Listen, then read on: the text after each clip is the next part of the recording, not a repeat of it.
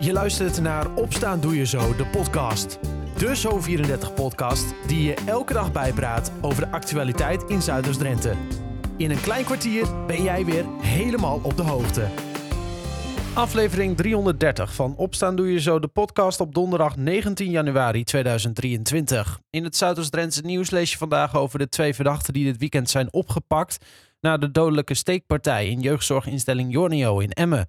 Zij blijven twee weken langer vastzitten. Beide verdachten blijven in beperking, wat betekent dat ze niet of nauwelijks contact hebben met de buitenwereld. Meer hierover en ander nieuws verderop in de podcast. Vandaag wisselen zon en wolken elkaar af met kans op lichte regen of natte sneeuw. Wordt het een graad of 5. Straks in de podcast hoor je meer over een nationale laswedstrijd. Maar eerst ander nieuws van vandaag. Want er wordt vandaag en morgen gestaakt in het streekvervoer. In Zuidoost-Drenthe betekent dat onder meer dat er bijna geen bussen van Q-bus rijden. Een van de stakers is chauffeur Dirk Visser. Dirk, het is niet de eerste keer dat jullie staken. De CAO-onderhandelingen zijn nog steeds het probleem, heb ik begrepen. Ja, klopt. We zijn natuurlijk al een hele tijd bezig met CAO-onderhandelingen. Zoals je terecht opmerkt, oktober, november hebben we ook al gestaakt. Daarna hebben we een pauze ingelast om de, de werkgever de kans te geven om alles goed op een rijtje te zetten. En toen zijn de onderhandelingen weer begonnen zo half december. En de laatste ronde was, uh, was 10 januari officieel. Toen is er nog een 17 januari achteraan gegooid, omdat ze toch wat dichter naar elkaar toe uh, kwamen. Maar helaas is dat compleet afgeketst en werd het eigenlijk alleen maar minder in plaats van beter. Dus dan houdt het op.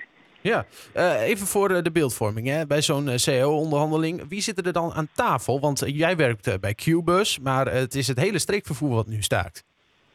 Ja, je moet het zo zien. Uh, aan tafel zitten bij een CO-onderhandeling altijd uh, de werkgevers en hun eigen organisatie en de vakbonden met hun organisaties. Ja. Dus CNV, FNV in dit geval. Ja, ja. Uh, en je zegt van, ja, nou, het leek er even op dat we wat dichter naar, naar, elkaar toe kwamen, maar uiteindelijk is het toch, toch geknapt. Wat, ehm, ja. ja. waar, waar staan jullie nu? Wat, wat, is, wat is er gebeurd, zeg maar, waardoor het toch weer allemaal geknapt is? Nou, ten eerste, het loonbod is uh, te weinig om, uh, om enigszins aan de inflatie uh, te kunnen, kunnen voldoen, om dat dus een beetje te gaan corrigeren. Mm -hmm. Dat is één. Maar ook in de werkdruk, daar staat de werkgever er eigenlijk steeds meer op om flexibeler hun personeel in te zetten in plaats van dat er een beetje ruimte en lucht komt.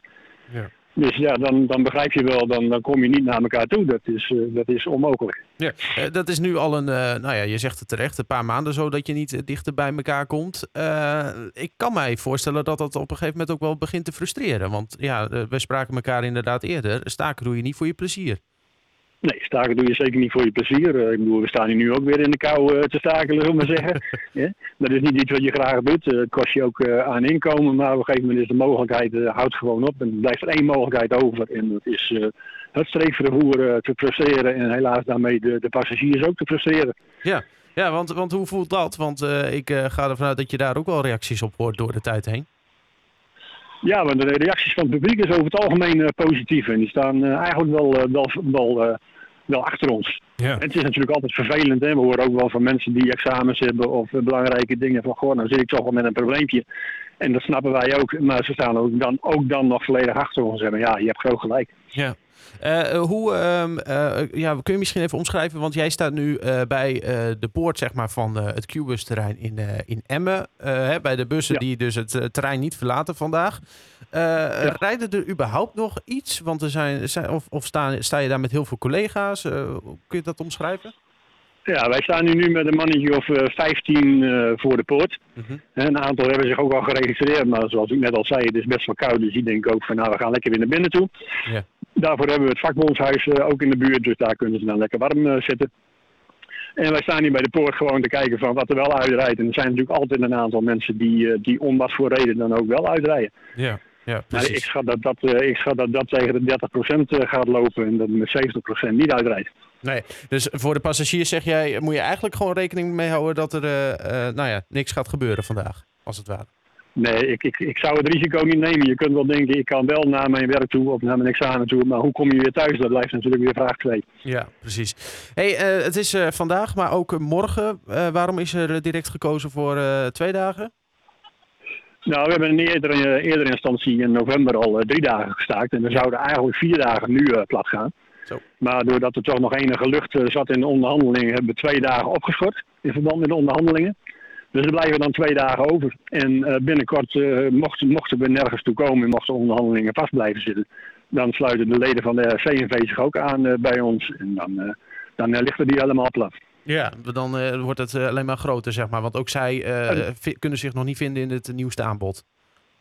Nee, zij kunnen zich daar ook niet in vinden. Alleen de FNV zat al in een actietraject, dus zij kunnen dat gewoon voortzetten. Mhm. En de CNV die moet het eerst voorleggen aan hun leden en die moeten dan nog een ultimatum stellen.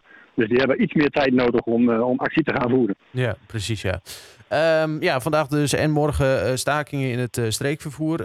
mogen we er wel van uitgaan dat het zeg maar zaterdag en, en ook gewoon maandag aan het begin van de nieuwe week wel allemaal weer, ja, ondanks dat er misschien nog geen nieuw bod ligt, dat dat gewoon allemaal wel weer eh, op gang is? Of uh, zeggen jullie van, nou, dat weten we voorals, ja, Vooralsnog ga ik ervan uit dat het uh, vanaf zaterdag eerst weer gaat rijden.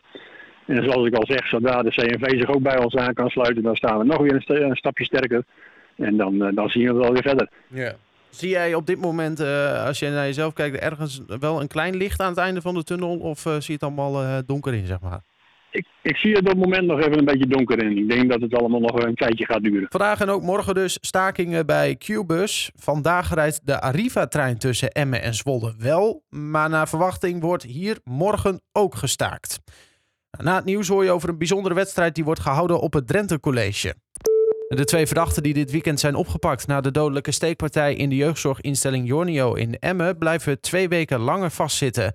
Bij het incident overleed een 26-jarige begeleidster uit Groningen ter plekke aan haar verwondingen. Kort na het incident werd de 19-jarige verdachte opgepakt en wat later werd ook de 16-jarige verdachte aangehouden in de gemeente Meppel. Beide verdachten blijven in beperking, wat betekent dat ze niet of nauwelijks contact met de buitenwereld mogen hebben. Filmmaker en producent Thomas Nauw werd gisteravond uitgeroepen tot Vlinderkanjer van het jaar. Hij ontving de prijs van de ondernemers in Emmen. Jaarlijks wordt die prijs uitgereikt aan iemand die in hun ogen zich verdienstelijk heeft gemaakt voor Emmen. Eerder liep Nauw twee prijzen mis. Hij was begin januari genomineerd voor zowel de titel Emmenaar van het jaar als de Cultuurprijs Emmen. Beide prijzen gingen toen aan zijn neus voorbij een 64-jarige man en een 65-jarige vrouw uit Koevoorde zijn gisteren door de politie aangehouden tijdens een inval in een hennepkwekerij. Deze bevond zich in een bovenwoning van een sportschool in Koevoorde.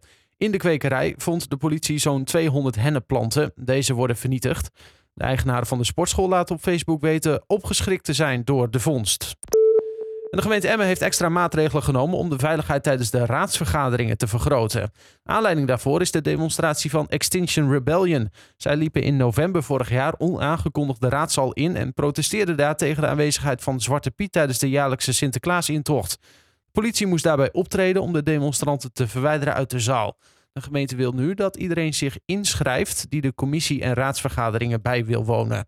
De twaalf opgepakte demonstranten moeten overigens op 13 februari voor de rechter verschijnen door hun actie. Zij worden verdacht van lokaal vredebreuk. En tot slot, na de Boni, Lidl, Aldi, Jumbo en Plus is Klazineveen vanaf volgend jaar nog een supermarkt rijker. Albert Heijn gaat zich vestigen in een nieuw pand dat gebouwd wordt op de locatie waar zich nu de Op is Op en het voormalige onderkomen van modezaak Bertus aan de Lange Straat bevindt. De opening staat gepland voor het voorjaar van 2024. Nou, tot zover het nieuws uit Zuidoost-Drenthe. Voor dit en nog meer nieuws kijk je ook bij ons online op zo34.nl en in onze app. Er wordt flink gelast op het Drenthe College. Sterker nog, momenteel wordt er gelast in competitief verband. Jonge lassers uit het hele land gaan met elkaar de strijd aan. Verslaggever Anna Ivis was er ook en sprak met Mare Riemersma van het college van bestuur van het Drenthe College. Die vertelt over dit nou, toch wel bijzondere kampioenschap. Ja, we hebben al uh, langere tijd inderdaad dat we meedoen als Drenthe College aan deze uh, nationale skillswedstrijden. Dus niet alleen voor het lassen, maar ook bijvoorbeeld voor de koks of voor onderwijsassistent of allerlei andere zaken. Maar voor het eerst inderdaad dat wij nu een nationale wedstrijd ook hier hebben, een kwalificatieronde. Dus heel trots. En hoeveel uh, jongens, meiden, zijn er ook meiden trouwens? Even tussendoor. Nou, dat is een hele goede vraag. Dat vroeg ik mij ook af, want ik was, had gehoopt van wel. Maar ik zal het zo even aan Jannie vragen inderdaad of er ook meiden zijn. Uh, ja. Goed, ja, dat, nou ja, ik ga ook even opletten. Um, en hoeveel uh, deelnemers zijn er? Er zijn 29 deelnemers, 15 deelnemers voor lassen. En nu wordt het wat technisch TIG. En 14 deelnemers voor lassen uh, mag. En uh, dus 29 in totaal. En van beide onderdelen gaan de beste vier door naar de landelijke kwalificatierondes. Oké, en eh, hebben we ook deelnemers uit Emmen? Of, hè, of uit Drenthe? Ben, ben ik natuurlijk benieuwd naar. Ja, we hebben zeker van beide onderdelen een eh, deelnemer. Kevin en Niels doen eh, namens Drenthe College mee en daar zijn we super trots op. En het is wel heel erg leuk trouwens, want Kevin en Niels hebben gewoon in de kerstvakantie gewoon doorgeoefend. Dus eh, ik zei net al, van, ik denk niet dat jullie ouders dat ooit hadden verwacht. We beginnen trouwens ondertussen, hoor ik het. Dus het lassende achter ons is inmiddels te horen. Maar ze hebben in de kerstvakantie doorgeoefend. en hebben zelfs gevraagd of de gebouwen open mochten, zodat zij konden oefenen. Dus dat is natuurlijk fantastisch. En dat vinden we ook echt eh, ja, super om te zien eh, dat ze dat doen. En eh, ja, dat, is, dat is ook heel bijzonder, want dat verwacht je natuurlijk niet van deze leeftijd. Dus dan moeten ze het wel heel erg leuk vinden. En eh, dus maar stel dat ze nu doorgaan, dan gaan ze dus eerst nog, moet ze eerst nog naar een landelijke, eh, echte finale, zeg maar. Ja, er is een landelijke finale waarbij alle finalisten van al die verschillende onderdelen, eh, schilders, wat ik net zei, al die onderdelen en zo, koks bij elkaar komen. Dat is echt een enorme happening. is fantastisch om te zien. is dit jaar in Utrecht.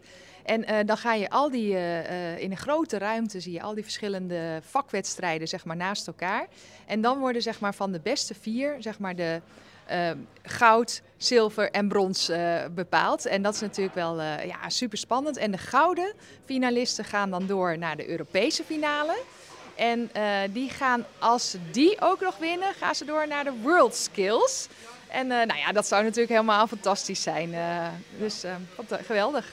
Zoals mijn moeder zou zeggen, eh, van jouw mond naar Gods oren. Hè? Dat, het, dat het mag gebeuren. Ja, ja, nou, ja we, we duimen natuurlijk enorm. Dus eh, ik, ik denk, we hebben wel eens inderdaad een finalist gehad eh, van het schildersopleiding, zeg maar, die door is gegaan naar de finale. Die was toen in Abu Dhabi, dus dat is natuurlijk wel eh, ja, super trots eh, dan. eh, ja. Dus ik wens Kevin en Niels ook heel veel succes. Nou, als ze in de kerstvakantie ook nog eens extra geoefend hebben, moet dat wel goed komen, denk ik. Meer hierover en een kijkje in de keuken, dat vind je allemaal op zo34.nl en in onze gratis app. Tot zover de podcast van donderdag 19 januari. Morgen weer een nieuwe aflevering. Graag tot dan en voor nu een fijne dag.